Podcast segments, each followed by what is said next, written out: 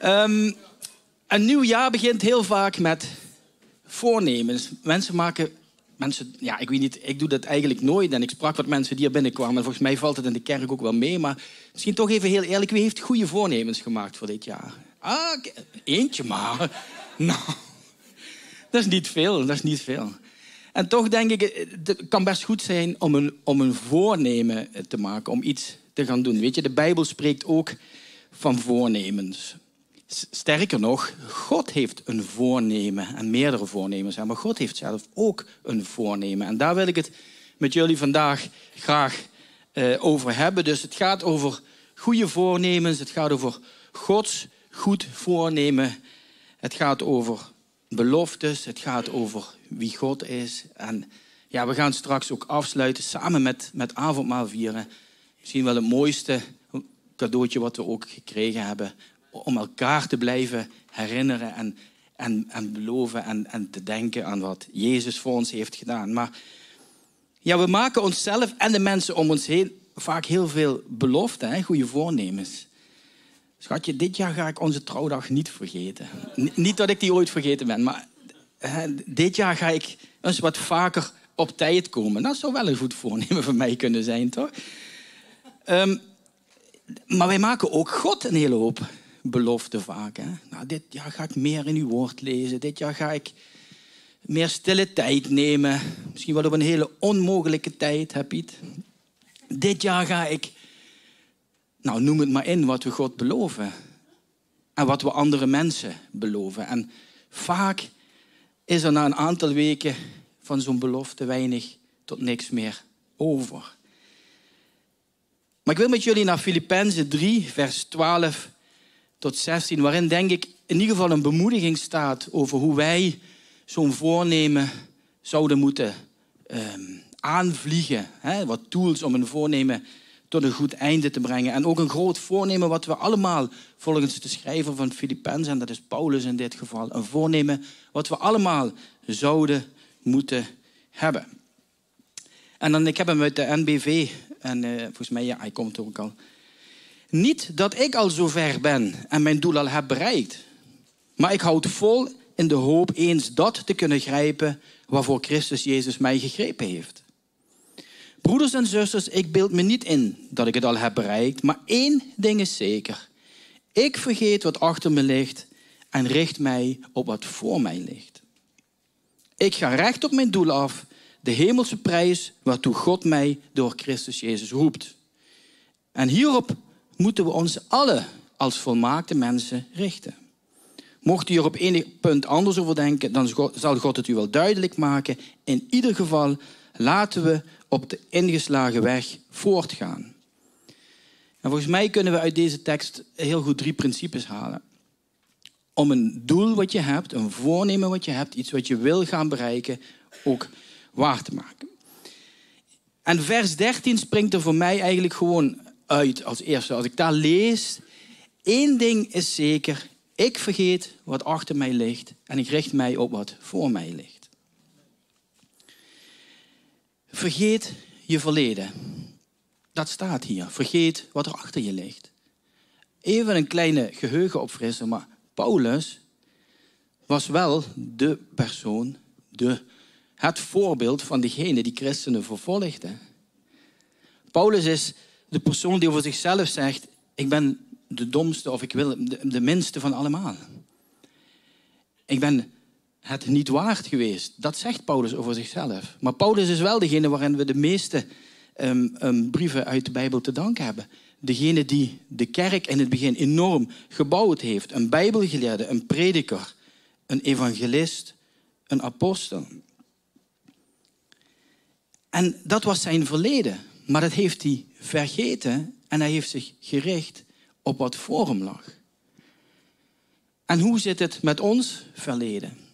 Wie waren wij? Wat deden wij voordat je door Jezus bij je kladden werd gegrepen, om het zo maar even te zeggen, voordat je door Jezus werd geraakt? Wat was er allemaal in ons leven? Wat speelde er allemaal in ons leven aan zonde? Um, ja, vul er zelf maar in. Ook wij moeten ons verleden vergeten en ons richten op wat voor ons ligt. We keken van de week naar de eerste aflevering van Dream School. Misschien kijkt nog iemand dat. Dat is een geweldig, ik vind het een prachtig programma waarin jongeren zonder toekomst, zonder dat ze vooruitkomen in hun leven, een aantal weken in hun school deelnemen aan een heel intensief programma. En in die eerste aflevering kwam ook weer een beeld naar voren wat ik, wat ik, wat ik echt prachtig vond. Dat is, als jij een potje voor je hebt en je wilt het openmaken en je bent naar links en draai je aan die deksel, aan die deksel en het potje gaat maar niet open en het gaat maar niet open, moet je misschien eens een keer proberen om naar rechts te draaien. Want, zo werd het ook gezegd, en volgens mij wordt het hier ook wel eens gezegd, als je doet, of blijft doen wat je altijd deed, dan verandert er niks. Dan krijg je wat je altijd kreeg. Dus als jij in je verleden blijft hangen en blijft kijken naar de dingen die altijd misgingen in je leven en niet goed gaan in je leven en waar het altijd strandt of waar, het, waar, je, waar je aan vasthangt, dan heb je de tijd niet om je te richten op je toekomst. Ga iets anders doen. Vergeet het verleden, zoals Paulus ook hier zegt. Ik vergeet wat achter mij ligt en ik richt mij op wat voor mij ligt. Laat je toekomst niet bepalen door je verleden. Laat je toekomst niet bepalen door je verleden. Um, het offer dat Jezus bracht aan het kruis heeft afgerekend met jouw verleden, heeft afgerekend met jouw zonde. En dat is, jouw zonden zijn gewist, je zonden zijn vergeten, je zonden zijn vergeven. Zelfs je toekomstige zonden zijn gewist en vergeten. Gewoon door geloof. Dus mijn eerste principe vandaag is echt, vergeet je verleden. Laat, je, laat je daar niet aan vasthangen. Laat dat niet je toekomst bepalen, maar richt je op wat voor je ligt. Ik mag het blaadje al omdraaien.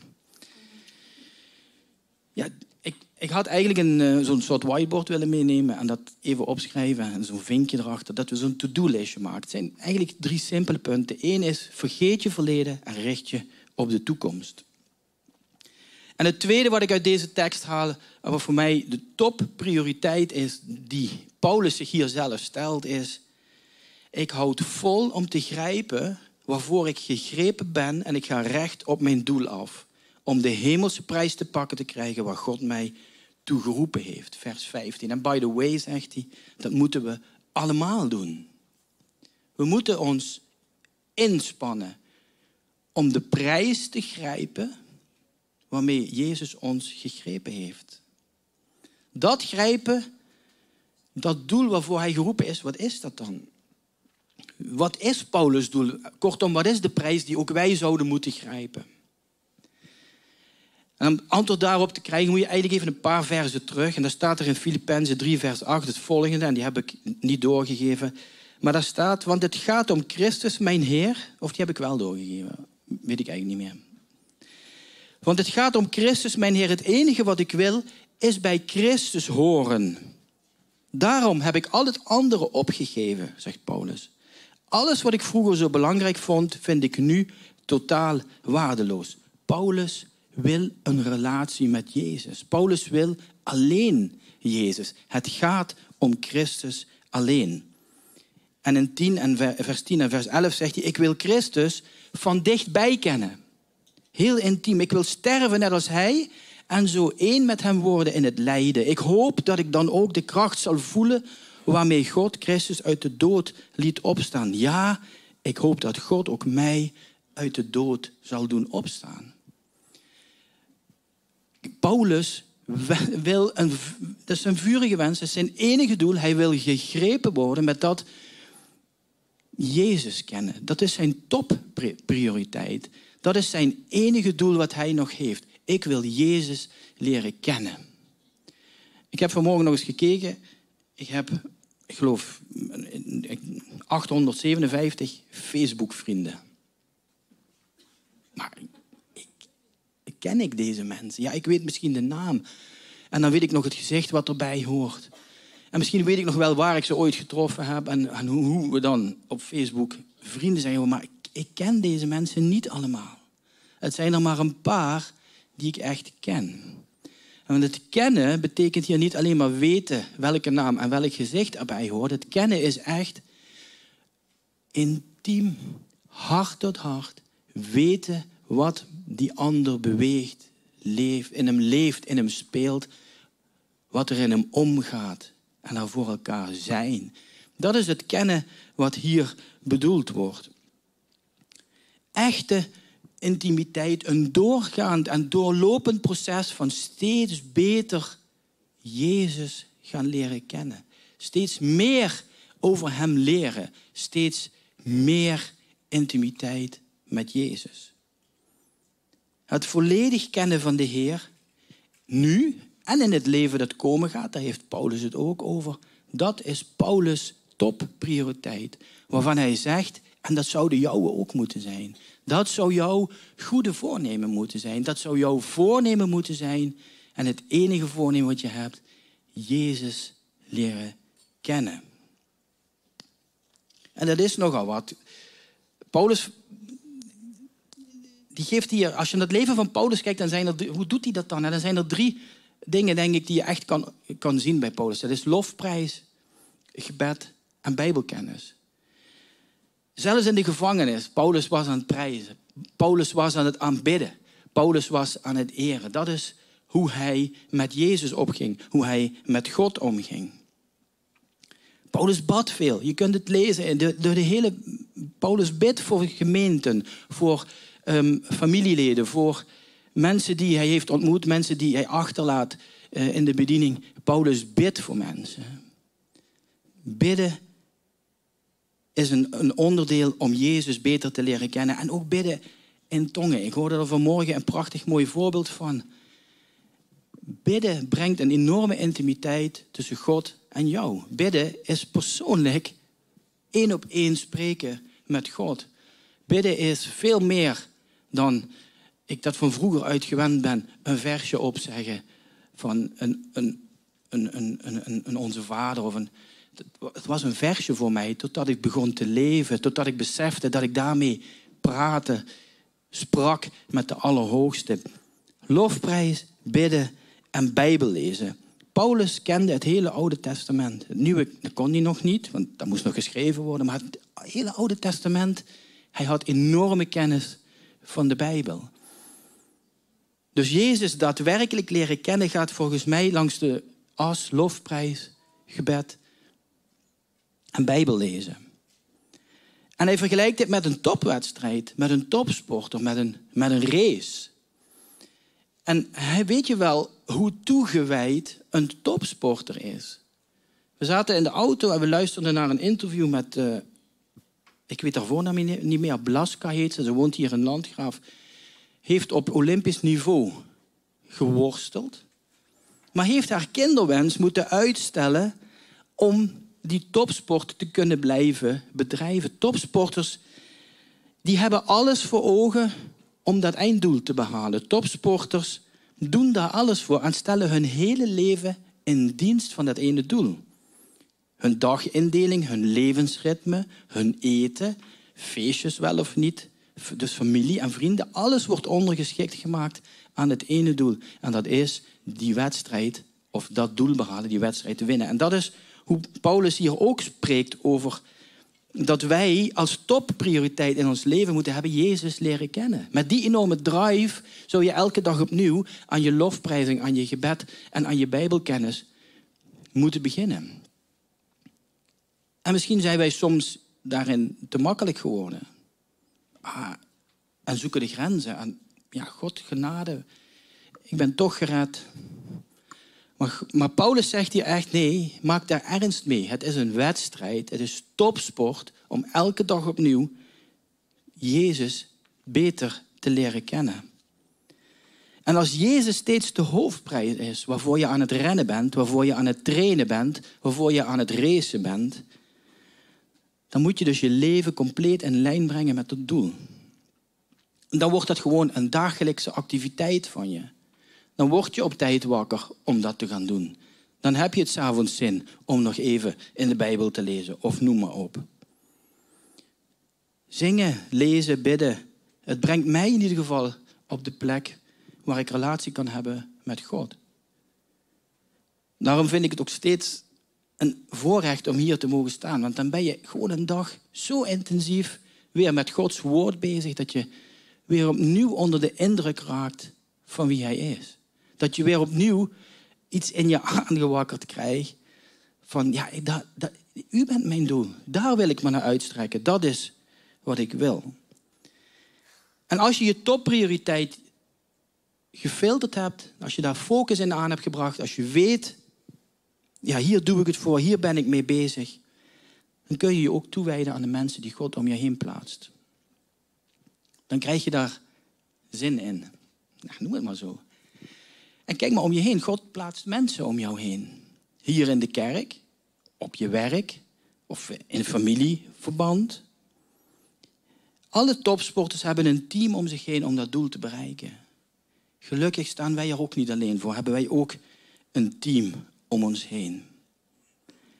Paulus had zijn prioriteit op orde. En dat was niet makkelijk in die tijd. Soms denken wij, ja, maar dat was toen. En had je al die verleidingen niet van internet of uh, druk, druk, druk. Dat was in die tijd niet. Nou, Paulus had, hij was, hij had, een heel, heel, hij had heel veel taken. Hij was bijbelgeleerde, hij was prediker, een evangelist, een apostel, kerkenstichter, bijbelschrijver.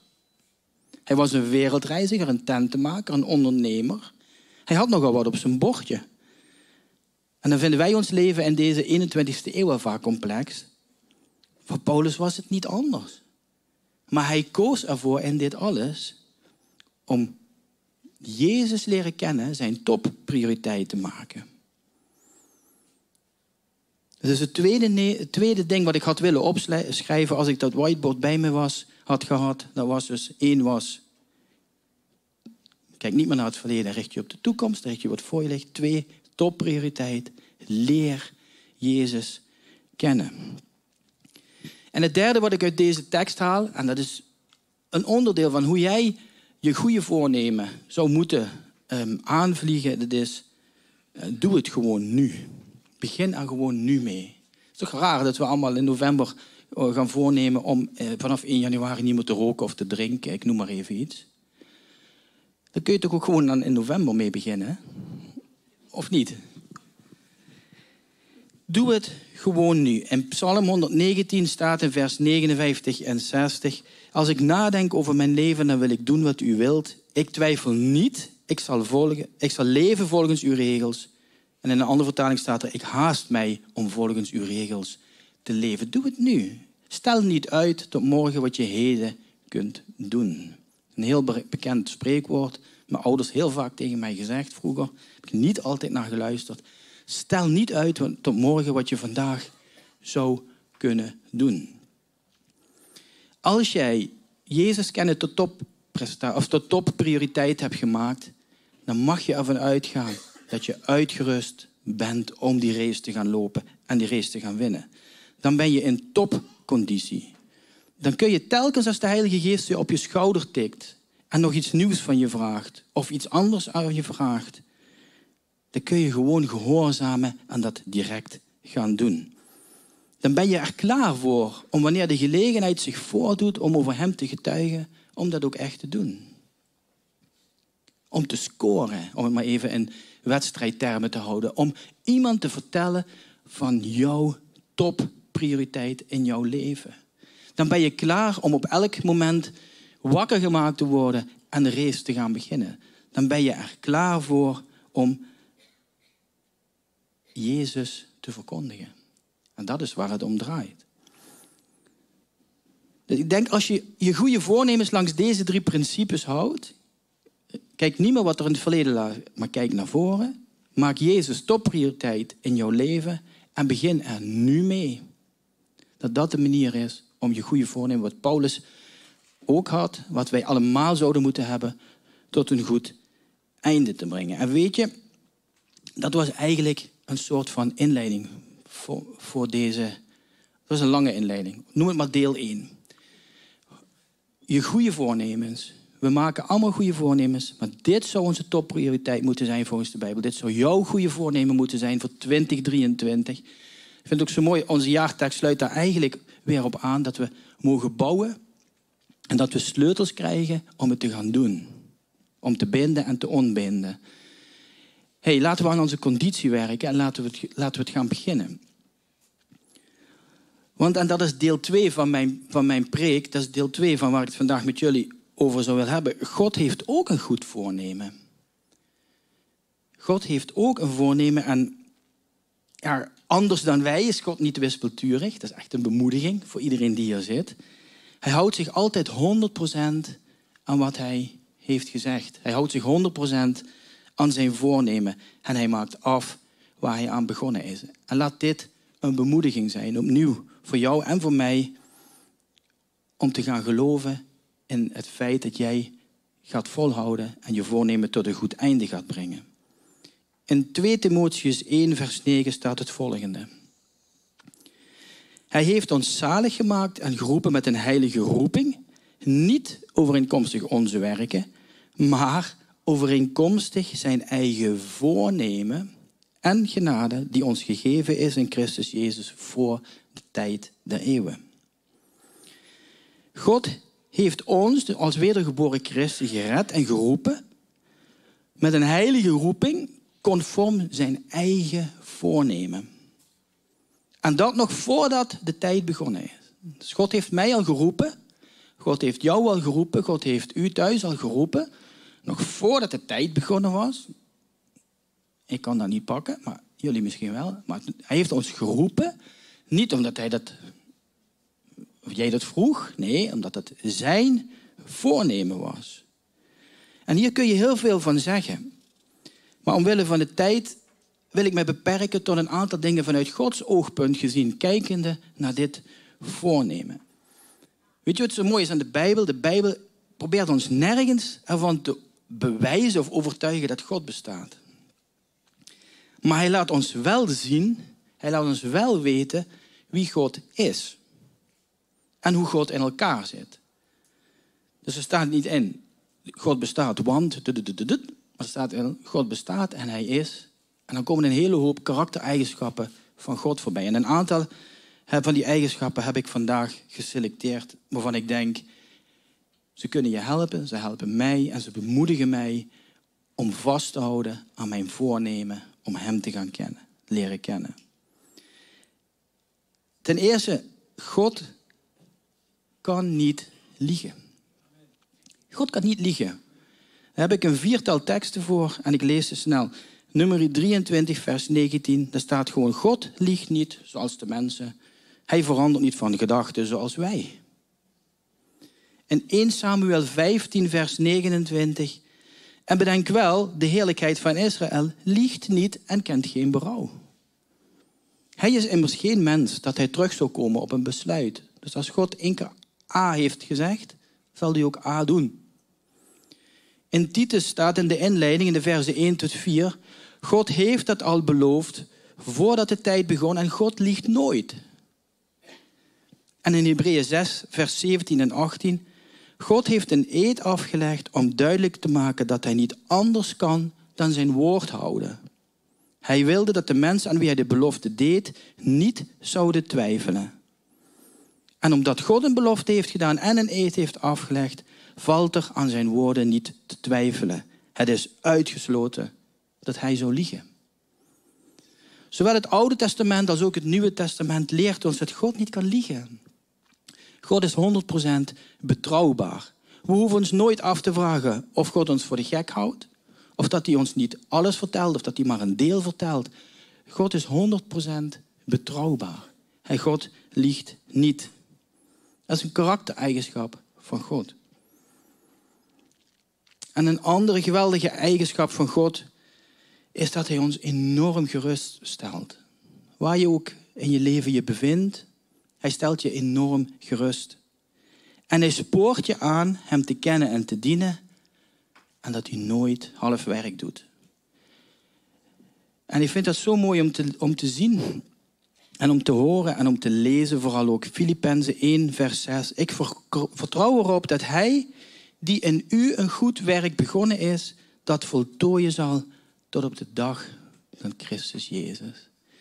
Vertel dat eens aan je buurvrouw of buurman. Ik vertrouw erop dat hij die een goed werk begonnen is, dat zal voltooien. Zeg het maar tegen je buurman of tegen je buurman. Ik vertrouw erop dat hij die een goed werk begonnen is, dat ook zal voltooien. Weet je, soms. We hebben net gezien in een aantal teksten, God liegt niet. En hier zegt hij, vertrouw erop dat God die een goed werk is begonnen, dat zal voltooien in u. En we zijn allemaal mensen. En ik heb daar zelf ook last van. Soms dan, ja, dan heb ik dat niet. Dan twijfel ik even. Of dan zie ik even niet dat God nog aan het werk is. Zoals eh, Jan-Peter net zei. Misschien, ik ben die berg aan deze kant aan het beklimmen. En wellicht is God aan die andere kant al bezig met zijn hulptroepen sturen. Maar ik zie het even niet. Maar ik moet er wel op blijven vertrouwen. Want God liegt niet. En hij belooft in, woord, zijn woord dat hij zal um, voltooien. Het goede werk wat hij is begonnen. In Hebreeën 12 vers 1 en 2. Wel nu dan, laten ook wij nu we door zo'n menigte van getuigen omringd worden, afleggen alle last en zonde die ons zo gemakkelijk verstrikt. En laten we met volharding de wedloop lopen die voor ons ligt, waar we het net over hebben gehad. Terwijl we het oog gericht houden op Jezus, de leidsman en voleinder van het geloof. Jezus maakt af wat hij is begonnen. God maakt af wat hij is begonnen. In 1 Korinthe 1, vers 8 God zal u bevestigen tot het einde toe. God steunt jou. We zeggen dat zo vaak. Ja, als, God tegen me, of als God voor mij is, wie kan er tegen me zijn?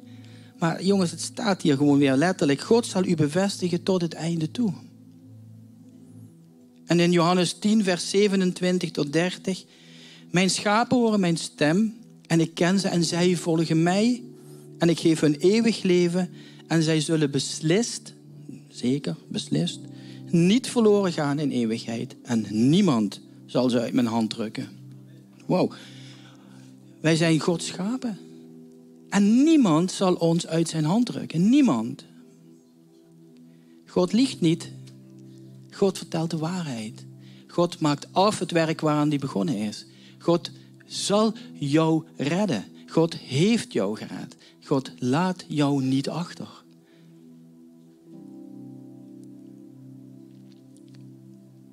Niemand kan jou uit de hand van je vader rukken. Deze verzen verzekeren ons als wedergeboren christenen dat God bij machten is om ons te behouden. Dat niemand Gods werk in ons kan tegenhouden. Niemand. Ook jijzelf niet. Ga aan je conditie werken. Vergeet wat achter je ligt. Kijk naar wat voor je ligt. Ga bidden. Ga lofprijzen, ga Bijbel lezen. En begin er gewoon nu mee. En vertrouw erop dat God niet liegt. En dat hij gaat afmaken wat hij begonnen is. Hij zal zijn werk afmaken in de eeuwigheid. Wat een heerlijke gedachte. Wat iets moois om het jaar 2023 met al zijn uitdagingen gewoon aan te gaan. Wow, ik kijk naar 2023 en ik zie een hele hoop bergen. Ik zie echt joekels van problemen komen. Ik hoop dat jullie dat niet hebben, maar ik zie ze. En ik zie twijfel bij mezelf ontstaan. Misschien zelfs wel een stukje dat ik hoop dreig te verliezen. Of dat ik niet meer weet waar ik aan begonnen ben. Maar dan is het toch heerlijk om terug te grijpen op wat God hier schrijft allemaal. Dan is het toch heerlijk om te weten dat... Man, God die nooit liegt, die alles kan dat hij het in mij ziet zitten, dat hij het in jou ziet zitten. En dat hij samen met jou die race aan het lopen is. Dat hij jou de kracht ervoor geeft. Dat hij jou in staat stelt om dat te gaan doen. En dat je daar niet mee hoeft te wachten. Dat je er gewoon nu mee kan beginnen. Want het is God die dit voor jou wil en zal bewerkstelligen. Hij liegt niet. Hij maakt af waar hij aan begint. Hij doet geen half werk. En dan moet je even vanuit God zijn we dit in bekijken. Hè? Omdat het Gods voornemen is om mij te redden, is het zo dat Gods redding een eenzijdige transactie is. Dat is gewoon zo. God zoekt mij, God roept mij. God schenkt zijn genade aan mij. God geeft mij het geloof. God brengt mijn wedergeboorte tot stand. God vervult mij met zijn heilige geest. En daardoor ben ik een christen en ben ik er nu. Allemaal eenzijdig, allemaal de wil van de Vader. God heeft het initiatief genomen om zijn zoon Jezus naar de aarde toe te sturen, om mijn zonde op zich te nemen en voor mijn zonde aan het kruis te sterven. Waardoor ik als discipel geheel vrijgesproken ben van al mijn zonden. En dat allemaal omdat God dat zichzelf had voorgenomen.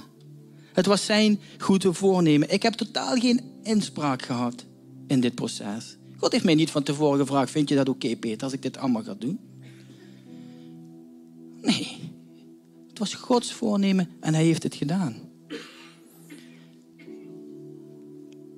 Nogmaals, 2 Timotheus 1, vers 9. Hij heeft ons zalig gemaakt en geroepen met een heilige roeping.